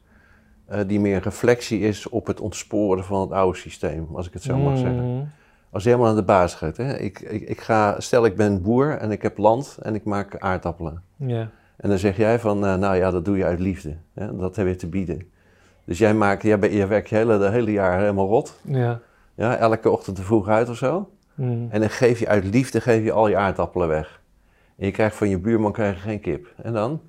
Ja. Weet je wat? Nee, dat is het. Het grijpt in elkaar. Ja, het, dus- het is gebaseerd op vertrouwen en, Ja, en en- elkaar kennen. Ja, en dan nog moet je zeggen van joh, eh, je moet toch iets van een relatieve waardebepaling. Dat is, dat is, dat is zonder enige waarde. Hè? Dat moet je goed realiseren. Mm. Dus een waardebepaling zit er geen waarden achter. Hè, dus, dus als één kip eh, is één kilo aardappelen, daar zit geen waardeoordeel achter. Dat is gewoon een relatieve waardebepaling die iedereen nodig heeft. Eh, en op het moment dat je dat doet, dan kun je allemaal, dan kun je allemaal wat geven. Hè? Ehm, maar jij moet ook boodschappen kunnen doen. Eh, En daar heb je gewoon een of ander systeem voor nodig. Waar we natuurlijk fout zijn gegaan, eh, is, eh, en dat is een stapjes is dat fout gegaan. Maar waar het echt fout is gegaan, is in 1970 geweest. Mm. In 1970 is een artikel gekomen van, van Milton Friedman. Ja. En, dat, en dat kwam er hierop neer. Hij zei van, de enige verantwoordelijkheid voor een aandeelhouder is om zoveel mogelijk geld te verdienen. Nou, dat ver- ver- verwijst naar wat ik er net over had. Hè? Je hebt een verantwoordelijkheid, hè? winstgevendheid en verantwoordelijkheid. En eigenlijk zei Milton Friedman, die verantwoord, maatschappelijke verantwoordelijkheid, die is er niet. Dus je ging echt alleen maar eh, geld als doel en niet meer geld als ruilmiddel. Mm. En dat is een denkstap.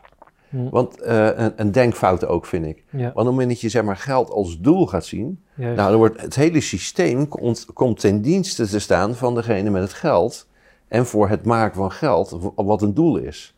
Nou, en dat is, en dan sta je heel ver van de natuur vandaan. Dan sta je ook heel ver van de essentie van het leven vandaan. Ja. Dan ben je echt het spoor kwijt, eh, bij- echt bijster. Hè? Dan ben je echt het spoor bijster. Ja. Dus, eh, dus we krijgen nu een ineenstorting van, van het oude kapitalisme. We moeten opnieuw gaan nadenken over hoe we het dan wel gaan doen. En wat mij betreft gaan we dus terug naar de basis. En dat is, ja, er moet iets van een, jij moet kunnen leven, ik moet kunnen leven. eh, wij moeten allemaal gelukkig kunnen zijn. En we moeten iets van een relatieve waardebepaling maken als een economisch systeem. En that's it. Ja. En als het gewoon zo houden, eh, dan, eh, dan is dat prima. Daarnaast is het zo dat we moeten eh, ook een andere waardering maken voor maatschappelijke bijdragers. Kijk, nu is het zo dat de dingen die niks waard zijn, die zijn duur. En de dingen die gratis zijn, die zijn heel veel waard. Hè? Mm. Even zo te zeggen. Dus eh, als jij bijvoorbeeld eh, ehm, thuiszorg doet of mantelzorg voor iemand uit liefde, nou, dan, dan heeft dat, er zit geen waarde tegenover. Hè? Dan moet je dat maar gratis doen. Ja. Dus dat wordt niet gewaardeerd. Terwijl als je hamburgers maakt hè, en de mensen ziek maakt, dan, dan word je er rijk van. Ja. Ja, dan weet je dus dat daar iets niet helemaal goed is. Hè? Ja, dat, ja, dat is die waardebepaling klopt niet. Dus dan moeten we teruggaan naar, naar het vertalen in wat is een maatschappelijke waarde. Nou, als jij eh, een mantelzorg doet voor, voor iemand of zo, dan heeft dat gewoon waarde. En dan mag je ook voor gewaardeerd worden. Ja. Nou, en met die waardering moet je ook je boodschappen kunnen doen. Zo simpel. Ja, mooi. Ja, kijk, dit gaat nog veel vaker aan bod komen, want het geldsysteem is zo'n groot thema. Ja, maar het is ook zo, het is zo in elkaar gedonderd. Ja. Eh, en dat is, eh, het functioneert zo ontzettend slecht. Mm. dat mensen dan de neiging hebben om dat te zeggen. En dus is geld niet nodig. Weet je wel? De, de- en dat is weer van het ene uiterste naar het andere uiterste. En je moet het wat genuanceerder doen. Weet je wel? Het is ontspoord, ja. Het klopt niet meer, klopt ook. Maar dat wil niet zeggen dat, dat er geen relatieve waardebepaling meer nodig is. Dat, dat is gewoon onrealistisch. Ja. ja, ik ben heel erg geïnspireerd geraakt door hoe ze dat bijvoorbeeld in de abdijen deden, in de Kataren vroeger. En wat ik ook zie nu in de wereld, de dingen die vanuit liefde echt gemaakt worden, vind ik echt het mooist. Ja, En de dingen die voor een economisch belang, ja. of ik, ik was vroeger ook echt fan van The Lean Startup, een boek wat miljoenen keren Ja. verkocht is. Maar echt vanuit minimalisme iets maken wat net aan klanten kan met met een MVO, een Minimal Viable Product. Ja. Zodat je niet te veel moois eraan doet waar je alleen maar geld aan kwijt bent. Super economisch. Ja. En dat, ja, dat heb ik omarmd eh, een tijdje. Mooi. Maar ik kom daar, ja, het is heel efficiënt. Maar wat voor schoonheid breng je in de wereld met die mindset? Het is op efficiëntie. Als je nu naar industrieterreinen kijkt, als je nu kijkt naar de architectuur van onze generatie. Ja, ik, vind, ik word daar niet heel blij van. Weet je, ik vind echt dat we het landschap steeds lelijker maken, om maar een voorbeeld te geven. Weet je, industrieterreinen, Ja. puur efficiënt, economisch. Maar ja, eh, verhoogt het je energie, je frequentie? Word je er echt blij van? Ja. Nou, nee, ik denk het niet. Nou ja, ik denk uiteindelijk, eh, jij noemt het liefde. Hè? Eh, ik denk altijd van het hoogste wat je kan worden is jezelf. Ja, mooi. Dus op het moment dat je een zoektocht gaat naar jezelf ga- gaat maken, die ik natuurlijk ook heb gehad, en op een gegeven moment kom je erachter waar jij van bent, waar jij gelukkig van wordt, dan is dat de beste manier om iets te, te, leven, te, te, te, leveren aan de samenleving.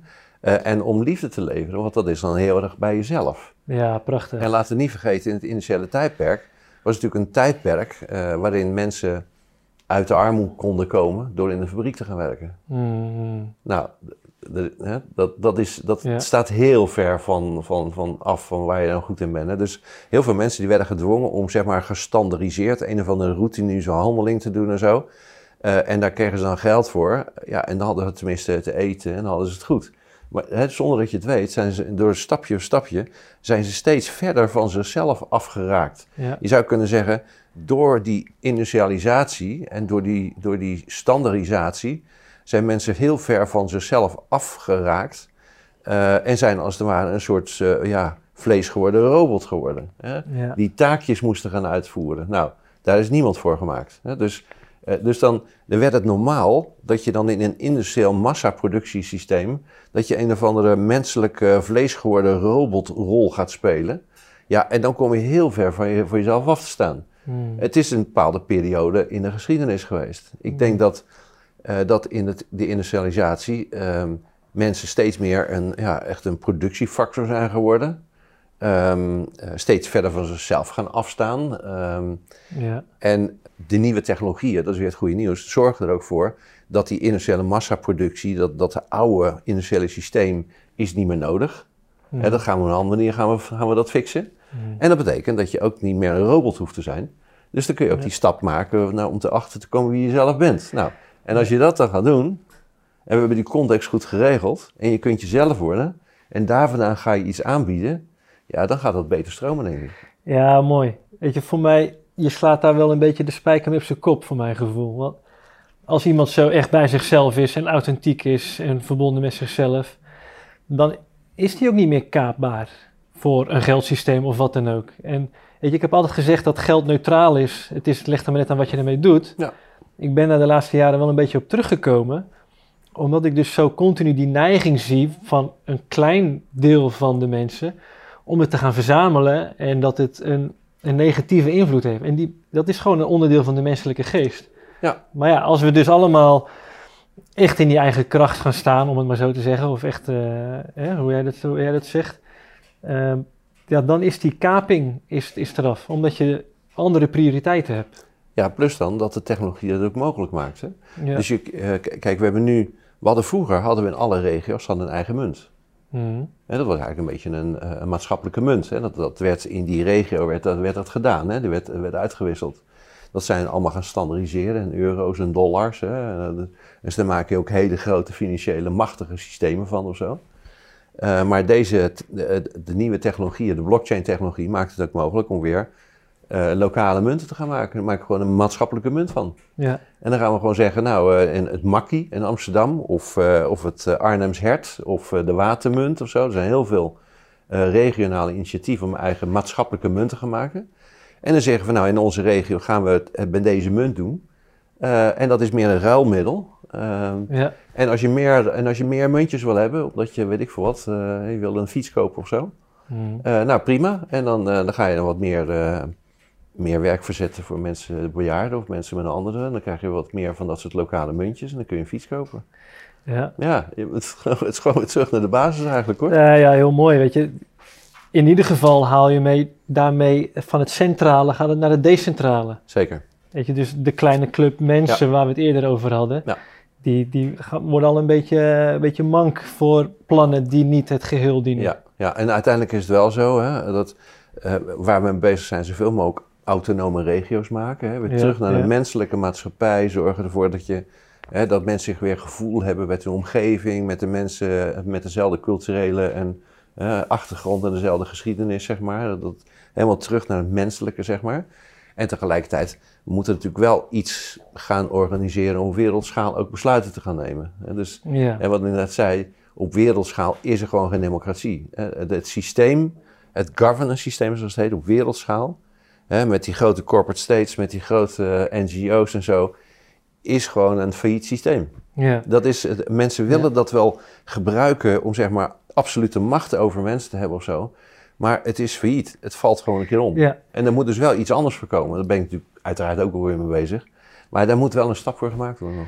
Ja, het gevoel wat ik daarbij heb is, hè, er zijn nou eenmaal centrale dingen, maar laat die centrale organen dan dienend zijn in plaats van leidend met onberispelijke mensen. Exact. Je had het net al over de WHO en Ted Ross die dat leidt. Ja. Nou, hartstikke discutabele man. Ja. Ja, dat is niet houdbaar, weet Nee. je. Dat, eh, maar als het nou dienend is en dat dan de lokale regio's Exact. zelf autonoom blijven en het eindoordeel hebben, Exact. ja, ik denk dat je dan in een hele stabiele wereld terechtkomt. Ja. Van vertrouwen ook.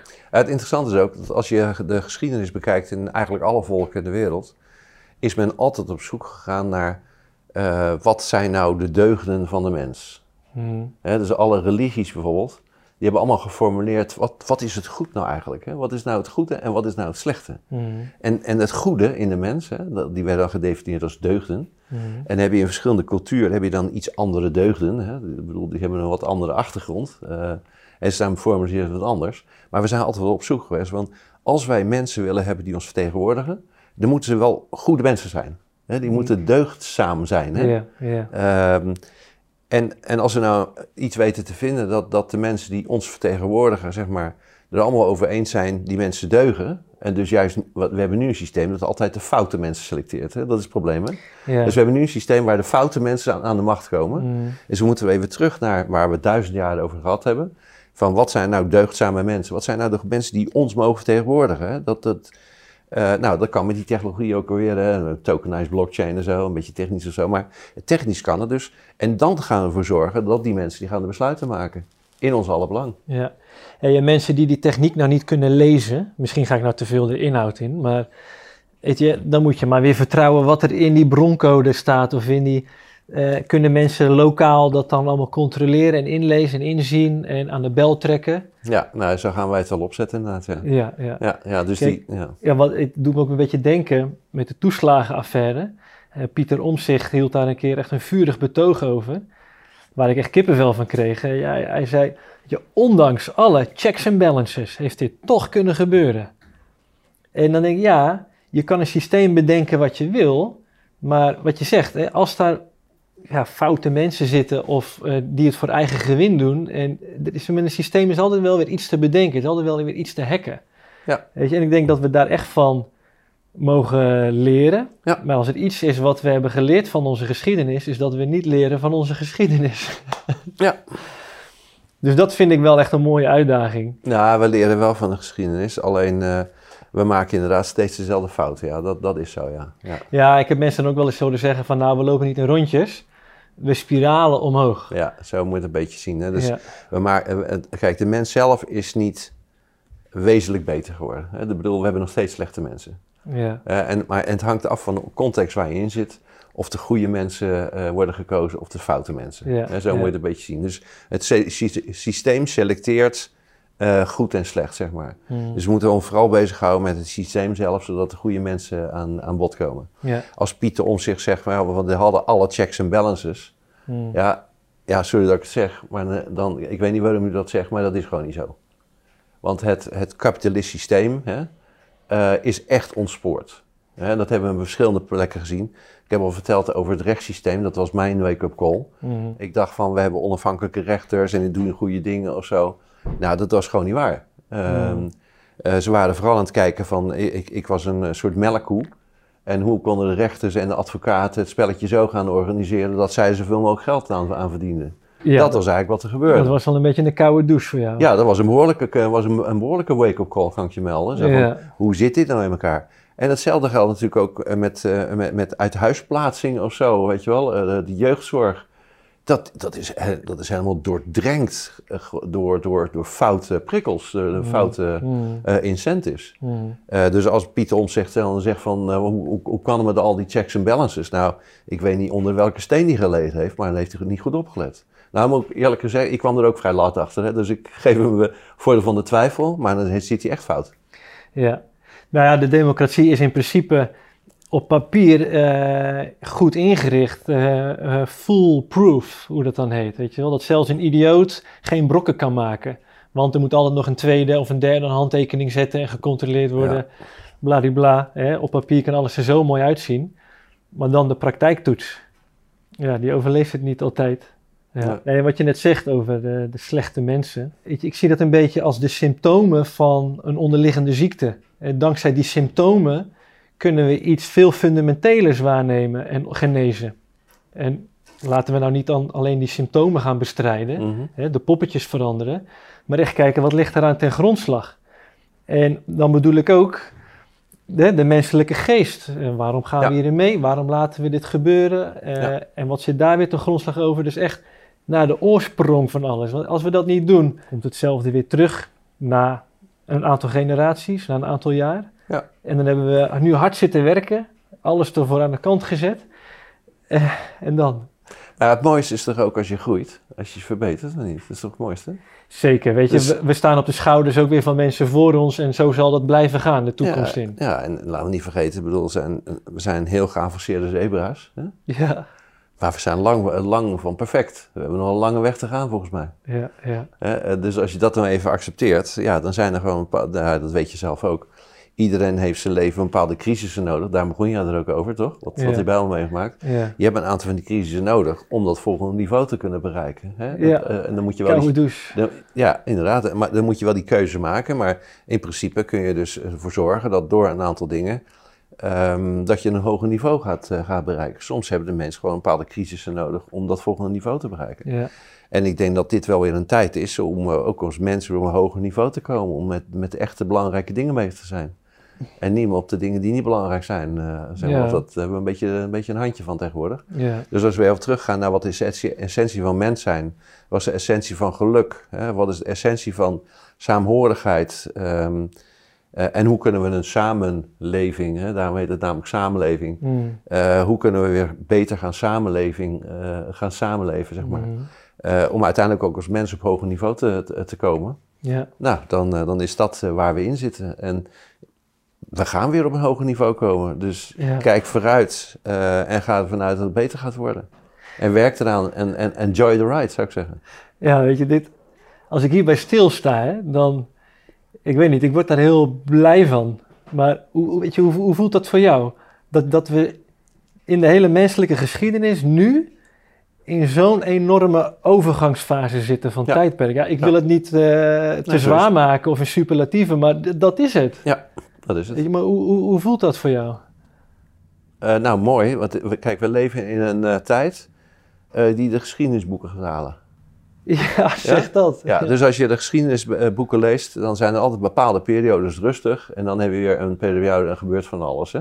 ja. Eh, nou, of je het nou leuk vindt of niet, eh, we, zitten in een, we leven in een periode eh, die de ges- geschiedenisboeken gaan halen. Hè? Wij schrijven ook de geschiedenis van de toekomst. Hè? Zo moet je het een beetje zien. Hè? Ja, ja, nou ja, er- was een mensheid voor deze periode en er is een mensheid na deze periode. Er was een mensheid die leefde in een top-down systeem Ja. en er is een mensheid die daar vrij van is. ja, maar goed, er zijn een aantal keren in de geschiedenis is dat het geval geweest. Dus op enig moment zijn mensen ergens zich gaan vestigen. Weet je wel? Die waren altijd jagers-verzamelaars. Hmm, En op een gegeven moment zijn mensen die zijn zich daar gaan vestigen en een hek eromheen aan het zetten of zo. hmm, Dat is ook een hele een verandering van tijdperk geweest. Ja, Toen wij eh, in Nederland eh, de Republiek der Zeven Verenigde Nederlanden oprichtten, een, een, handelsrepubliek, hmm, dat was ook zo'n hallmark. Dat was echt een, echt een fundamentele verandering. Eh, en, en de industriële revolutie was echt een fundamentele verandering. Nou, zo'n soort tijd leven wij in.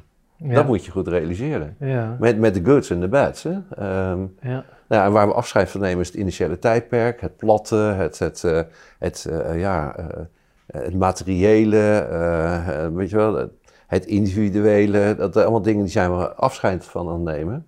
En we zijn op een hoger niveau aan het ontwikkelen. We gaan meer over maatschappij, samenleven gaan we nadenken. Eh, over spiritualiteit gaan we nadenken. eh, over saamhorigheid nadenken. Eh, we gaan onszelf op het volgende niveau eh, brengen. ja, ja, schitterend. Hey, ik heb nog een hele filosofische vraag voor je. Ehm, je komt uit een academische hoek. En de wetenschap zegt dat er eerst materie was, een Big Bang. En daaruit ontstond bewustzijn. Mhm. Van oudsher hebben mensen altijd geloofd, er was een schepper, een bewustzijn. Mhm. En daarna kwam materie. Wat, hoe, wat, hoe voelt dat voor jou? Wat was het eerst? Materie of was het eerst bewustzijn? Jeetje, wat een vraag zeg. Nou hè? Jeetje mina. Ik ben, je moet weten, ik ben zo aards als maar kan hè. Ja. Ik ben echt een aardse Rotterdammer. Die, eh, ehm, en ehm, ja, wat ik denk dat is, is dat. ehm, kijk, we proberen iets te begrijpen, onder woorden te brengen, waarvan wij niet de intelligentie hebben om dat te begrijpen. Snap je wat ik bedoel? Hmm. Ik zie het meer als eh, de vraag eh, van een mier wat de zin van het leven is of zo. Weet je wel? Dat, bedoel, die hebben dat gewoon niet in zich. Eh, Ja. En wij hebben de arrogantie als mens dat we denken dat we de echte grote vraagstukken kunnen beantwoorden. Ja. En dat is niet zo. Ja, vind ik grappig. Ja? Dus, dus er zijn, in de hele wereld hebben we dus geprobeerd om die waarheid te, te vangen. Hmm. En daar hebben we dan allerlei geschriften voor gemaakt. En er zijn mensen op een zeepkist gaan staan en die hebben het antwoord gegeven op alle moeilijke vragen. En die kregen Mm. volgelingen. Er werd opgeschreven. Nou je kent er zelf ook wel een paar, denk ik. Hè? Hmm. Eh, en dat zit in een soort behoefte van de mens eh, om zeg maar de oneindige waarheid te kunnen begrijpen. Maar daar gaan we nooit komen. Ja. Wij, zit- ik bedoel, wij hebben een gemiddelde IQ van 100. Als je een beetje geluk hebt, heb je 140 of een beetje meer of zo. Eh, maar we, hebben, we gaan nooit het moment krijgen dat er mensen zijn met een IQ van 1000. Ja. En toch willen we het begrijpen allemaal. Ja. Ik, Nee, je ik- moet er gewoon niet aan beginnen. Dat zijn Ik- vraagstukken die... Daar moet je als mens gewoon niet eens aan beginnen. Nee, ik vind het een heel mooi antwoord. Weet je wat? eh, je gaf eerder al aan dat je een hele sterke intuïtie hebt. En spiritualiteit is een beetje een, een ja, besmet woord. Maar in mijn ogen is dat de kern van spiritualiteit. Dat je echt verbonden bent met die ja, innerlijke stem, dat innerlijke gevoel van wat is waarheid, wat is Ja. wat intuïtie. En dan is, kan de rest ja, allemaal verhalen zijn en, en allemaal, hè, de mind wil ook bevredigd worden en, en zijn zin hebben. Ja, en ik denk dat het heel belangrijk is wat ik eerder zei. Vooral jezelf worden. Dus Ja. probeer te achterhalen wie je zelf bent. Dat, die vragen zijn moeilijk genoeg volgens mij. Hmm. En dan hoef je echt niet naar de, naar de algemene wijsheid toe te gaan. Hoe heb jij dat gedaan? probeer je eerst een, ja, altijd heel eigenwijs zijn. eh, hè, zeg maar heel goed luisteren, dingen doen. eh, eh. Ja, en op een gegeven moment merkte ik het in, in ieder geval. ja, Dus op het moment dat je eerst, zeg maar, eerst jezelf probeert te begrijpen, dat is dan een hele stap. Ehm, eh, en kijken of je, of je daar vandaan, zeg maar, ja, goed kan luisteren en een bijdrage kan leveren aan de omgeving. eh, dan, ja, dan ben je al een heel eind eh, goed op weg. ja. En, en voor de rest eh, moet je gewoon accepteren dat je de meeste dingen gewoon niet begrijpt. zie, Hoe je meer, dit, hoe meer ik weet, hoe meer ik weet dat ik niks weet. Dus ja, zie je dit als een sleutel voor de mensenmaatschappij? Dat, dat de mensen ja, met dat innerlijk weten of die intuïtie verbonden zijn? ja en, en, zeker. En ook ehm, gewoon de- arrogantie ehm, eh, van zich afgooien. Te denken dat je de baas bent over de, over de natuur. Eh, en dat, je, dat er geen hoger wezen mogelijk is dan, dan wij mens. Er is iets van een arrogantie dat we denken dat wij een soort super eh, iets zijn. Dat we boven de wet en boven de natuur staan of zo.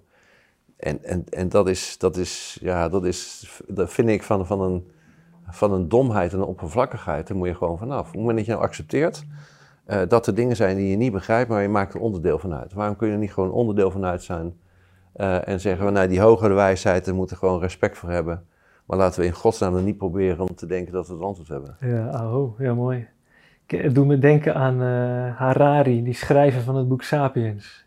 Ken je die? Ja, zeker. Ja, die, die heeft laatst gezegd: Binnenkort zijn wij eh, machtiger of bekwamer dan God. Wij kunnen meer met de mensen dan wat God heeft I gedaan. know, I know. Ja, ja, dat, ja, ik moet ook een soort van, van lachen. Maar het is heel droevig wat dat allemaal gaat Hey, dat is teweeg brengen. Ja, dat is heel erg droevig, want ehm, kijk, ik heb al zijn boeken gelezen uiteraard, hè, want hij zit Ja. in hetzelfde vakgebied en ik. Ja, Hij zit meer in die geschiedenis en daar, hè, dus van, van homo, eh, homo sapiens, ja, is hij naar homo deus toegegaan, dus hij is van de geschiedenis naar de toekomst gegaan. Ik net andersom, hè. ik ben een strateeg en ik ben in de geschiedenis gegaan. hè. Mhm. Maar eigenlijk zit, doen we hetzelfde. Ehm, hij heeft zich heel erg verbonden met, eh, met een bepaalde organisatie. Ehm, en hij denkt inderdaad dat hij zo machtig is, eh, dat hij alwetend is. Eh, hij zegt Ja. ook, de mensen zijn hackable, eh, hackable systems zijn het geworden. ja, en hij denkt inderdaad dat hij boven de natuur staat. Ik vind dat heel droevig. ja, ja. Ik vind het ook zonde van, want dat is een ontzettend goede schrijver. Ik heb erg veel respect voor de dingen die hij geschreven heeft. Hmm. Maar op dit moment is hij echt het spoor compleet bijster. Ja, het eh, roept bij mij ook heel veel weerstand op als ik iemand zoiets zou zeggen en die, die plannen. Ja, maar goed, eh, tegelijkertijd, zo is het in de geschiedenis altijd gegaan. Ja, dat mensen zichzelf voorbij gaan en dan Ja. is er weer een correctie. Ja, dat bedoel, het, het, het bekendste is natuurlijk de zonnekoning, nietwaar? Ja, Ja, er was iemand en die was rijk en macht en zo. En die begon zichzelf eh, helemaal op te hemelen en zichzelf eh, en, en, eh, en, en mooie schoentjes maken. Dat doen we ergens aan denken. ja, Eh, en zichzelf gaat overschatten en, en, en misbruiken en zo. En die zagen zichzelf boven, de- boven, boven de goden staan. ja, Nou, en dat wordt gewoon keihard afgestraft. ja, ja, ja. Wordt gewoon keihard afgestraft. Door wat of door wie wordt dat afgestraft? Nou ja, door, door eh, een, een volk in opstand, door, door natuurkrachten, omdat ze zich overschatten. Nou ja, Harari overschat zichzelf gewoon. Ja, Dus er komt gewoon een feedback op, er komt gewoon een correctiemechanisme. ja. Hij krijgt een groot podium. Ja, nou ja, nou, dan, dan, hoe, hoog, hoe hoger je vliegt, hoe, hoe harder je valt. Hè? Ja, en ik denk dat dat ook wat collateral damage eh, zal meegeven. Zeker, maar goed, er zijn, er zijn wel meer mensen op dit moment die er last van hebben. Ja. Nee, ik geloof ook dat dat Ja. gecorrigeerd gaat worden. Dat gaat zeker gecorrigeerd Ja. worden. Ja. Ja. Hey, Het grappige is namelijk dat het, het beeld wat ik, wat ik probeer, hè, wat, dat die visie die ik heb ne- neergelegd. Hè, er zijn een aantal mensen die, zeiden, nee, die willen meer een top-down maatschappij. Die denken dus dat mijn visie en ik, zeg maar, een bedreiging voor ze zijn. Mhm, En dat is een misverstand. mhm. Het, eh, want eh, kijk, als het namelijk die kant op gaat die zij willen, dus meer een top-down maatschappij, dan gaan ze heel hard gaan ze vallen. Ja, ja, Dus het is juist in hun belang om zeg maar mee te gaan in mijn gedachtenvorming, in onze activiteiten, om een betere maatschappij te maken. Op lange termijn is het ook voor hun beter. ja. Ja, en dat is dan om iets om te laten zien, want met een discussie ga je het niet winnen. Maar het is echt iets om voor te leven en eh, nou, dat, eh, dat doe je. Ja, maar ja, want kijk, heel veel van, die mensen die, eh, ja, die, die gaan zo hoog vliegen dat de was die gaat smelten. De Dus was? de, de Griekse mythologie, die, die Icarus was dat. En die ging vliegen, die kon vliegen. Ah ja, En die ging steeds hoger vliegen, nog hoger vliegen, totdat de was van zijn vleugels smolt. En toen viel die, viel die plat neer. Ja, er zitten zoveel levenswijsheden in, in die mythologieën. Ja, absoluut, ja. Ja, prachtig. Ja. Ja. Hey, jij hebt eh, het voorwoord geschreven in het eh, boek van Maarten Oversier. Ja. Hoe kijk jij aan tegen dat boek en reïncarnatie en, en die zaken waar hij over schrijft? Nou ja, eh, nou, om te beginnen is het een, is het een hele aardse Rotterdammer. Ja. dat ben ik ook, dus we kunnen het heel goed vinden. ja, Ehm, eh, hij was vroeger chef-kok. Ehm, nou, eh, ik heb ook eens dingetjes gekookt, dus eh, we hebben een hoop eh, dingen eh, gezamenlijk. Ehm, hij schrijft over dingen, ehm, over wijsheden die volgens mij boven de, de, de mogelijkheden van de mens zitten. Dus ik vind het heel, heel bijzonder dat hij dat herkent en ziet, dat, dat vorige generaties doorleven en, en hè, hoe dat bepaald is, hè, hoe mensen bepaald worden door vorige generaties en, en trauma's en dingen die mensen meegemaakt hebben. mhm, Eh, ik, als ik het lees en als ik het ook zie, hè, een aantal van, zijn patiënten, eh, eh, dan zie ik dat dat, dat, dat klopt. Hè. Dan zie ik Mhm. gewoon hoe het werkt. Dan weet ik nog steeds niet hoe het werkt. Maar ja, mhm. goed, dat, dat, dat kan. Hè, want Het fenomeen, dat is ook wetenschap. Dat is ook Aan- Aanschouwen wetenschap. wat er is. ja, gewoon aanschouwen en accepteren dat het zo is. En als, en als dat niet past bij de reguliere manier van denken, nou, dat zal dan wel. Dat maakt me, geen, daar maak ik me helemaal geen zorgen over. Ja, Eh, als het iets is wat ik nog niet begrijp, dan maak ik me ook geen zorgen over. ja. Eh, dan moet je gewoon accepteren dat, dat het zo is. En ik vind het fascinerend eh, wat hij doet. Eh vind ik buitengewoon fascinerend. ja. En Begreep ik nou goed wat je in het begin zei? Het ligt boven de mogelijkheden van mensen? Of hoe bedoel je dat? Nou ja, we, hebben, we, zijn beperkt rationeel, hè, zoals het heet. Juist. En, en de echte grote vraagstukken, ja, eh, net, net als dat zebra's eh, de kwantummechanica nooit zullen begrijpen. Mhm. Die, die intelligentie hebben ze niet. Eh, Dan de intelligentie van de mens is niet zo hoog dat wij de, de echte grote wijsheden kunnen begrijpen. Moet je gewoon maar neerleggen. Ja, En dan moet je openstellen voor alles wat je niet begrijpt en, en daar naar meegaan. wijze woorden. En daarvan genieten ook, want ik vind dat... Ja, blijven verwonderen in plaats van overtuigingen vastklampen. Zo is dat. Dat is ook echt de wetenschap, de verwondering. Dat is in ieder geval mijn, eh, eh, de, mijn manier om in het leven te staan. Nou, hartstikke mooi. Heb jij nog iets wat je aan de luisteraars wil meegeven? Ehm, ehm, ja, Ik kan me voorstellen dat, uh, dat mensen zich in deze tijd onzeker voelen, boos voelen, angstig voelen. Vinden dat ze, een, een, dat ze onrecht wordt aangedaan, dat ze een slechte periode zitten. Um, ik kan me dat helemaal voorstellen. Um, maar het is wel negatieve energie en je gaat er geen wereld mee verbeteren. Ik zou de luisteraars aanraden om de stap te maken. stijg boven dat perspectief uit, gooi de angst en de boosheid van je af. Uh, en stop al je energie in het bouwen van een nieuwe, betere wereld. Uh, je bent van harte welkom, als je zover bent althans, om mee te bouwen in Society 4.0. En dan gaan we gewoon samen die volgende en betere samenleving maken. Dus van harte welkom. Ah, supermooi, dankjewel. Dan heb ik gelijk nog een vraag voor je. Hoe kijk je aan tegen social media en Facebook? Wat, wat ik zie is dat mensen heel veel tijd daarop doorbrengen, ook om te verbinden en de frustratie te delen en te uiten. En, um, maar het construeert niks wat je daar typt en deelt. Weet je, wat, wat, wat is jouw visie daarop? Nou, ik denk dat het een beetje een tussenliggende periode is. Uh, die, die, uh, deze digitale technologieën maken dit mogelijk hè, om het zo te doen. Uh, en, en nogmaals, wat ik denk is dat we een global burger gaan worden, zowel dus lokaal, maar ook op wereldschaal. Hè. Dus we, deze technologieën maakt het ook mogelijk om, om grotere verbindingen te maken. Ja. Alleen we zitten nu in een tussenliggende periode, waarin een aantal partijen misbruik probeert te maken van de positie die ze hebben. En dat is wel vaker geweest, hè? dat is niet de eerste keer. Mm. Want in het begin van het initiële tijdperk uh, was de hele uh, economie was afhankelijk van olie. En toen was er in Amerika was er een bedrijf, Standard Oil, hmm. en die kocht alle olie op. En toen was 90% van de Amerikaanse uh, economie afhankelijk van Standard Oil. Die heeft gewoon misbruik gemaakt. Hè. Dat was een goede ondernemer, hè? dat is goed gezien, ja. maar wel misbruik gemaakt. Hij had dus niet de normen en waarden om te snappen, dat moet je niet doen. Ja. Toen is er een correctie geweest. Hè. Toen is, is uh, Standard Oil opgeknipt in zeven oliemaatschappijen, de Seven Sisters. Ja. Dat was het begin van de antitrust law, dus de anti-kartelwetgeving, om te corrigeren. Dus eerst hebben ze misbruik gemaakt, daarna is het gecorrigeerd en zijn de wetten gemaakt. We zitten nu in precies dezelfde situatie. We zitten in het begin van het digitale tijdperk. Ook nu zijn er goede ondernemers die zien wat je ermee kan doen. Uh, en die maken er weer misbruik van. Mm. Nou, en dat gaat weer gecorrigeerd worden. En dan gaan we zeggen van nou, wat zijn er de goede dingen van sociale netwerken?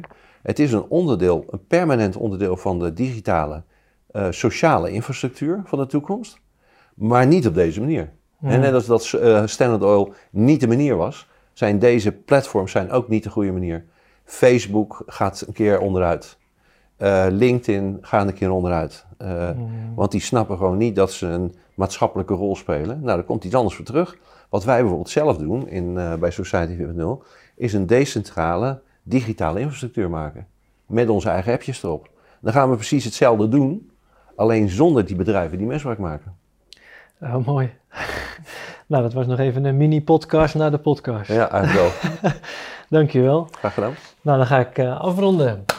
Nou, uh, lieve mensen, ik hoop dat jullie ervan genoten hebben. Ik wel. Dankjewel uh, voor het gesprek. Ik vond het heel gaaf en heel super dat we bij jou konden beginnen om echt een hoog over totaalplaatje te, mee te krijgen. En dat we hier vandaan ja, verschillende subregio's kunnen gaan verkennen en ook weer een stapje terug het hoog over kunnen gaan aanschouwen. En op die manier steeds meer ja, mooier, kloppender plaatje gaan krijgen, wat uh, ook gevoelsmatig kan gaan stromen. Um, dus wil je op de hoogte blijven, abonneer je dan op dit kanaal. Uh, vond je de video leuk? Nou ja, uh, like hem dan. Dan gaat het omhoog in de ratings, hè, zoals dat dan gaat. Dan kunnen nog meer mensen het zien. Deel het met je familie en vrienden. Dat is ook mooi. Um, en als je reactie wil achterlaten, kan het ook op onze website www.tijdboeklumens.nl. Um, ehm, vergeet ik nog iets? Dat was hem wel, denk ik. Oh ja, we hebben de uh, intentie om elke twee weken een uh, aflevering te uploaden. We zijn ook bezig met de tweede editie van het boek. Uh, dus we gaan dat hand in hand doen. Tot over twee weken.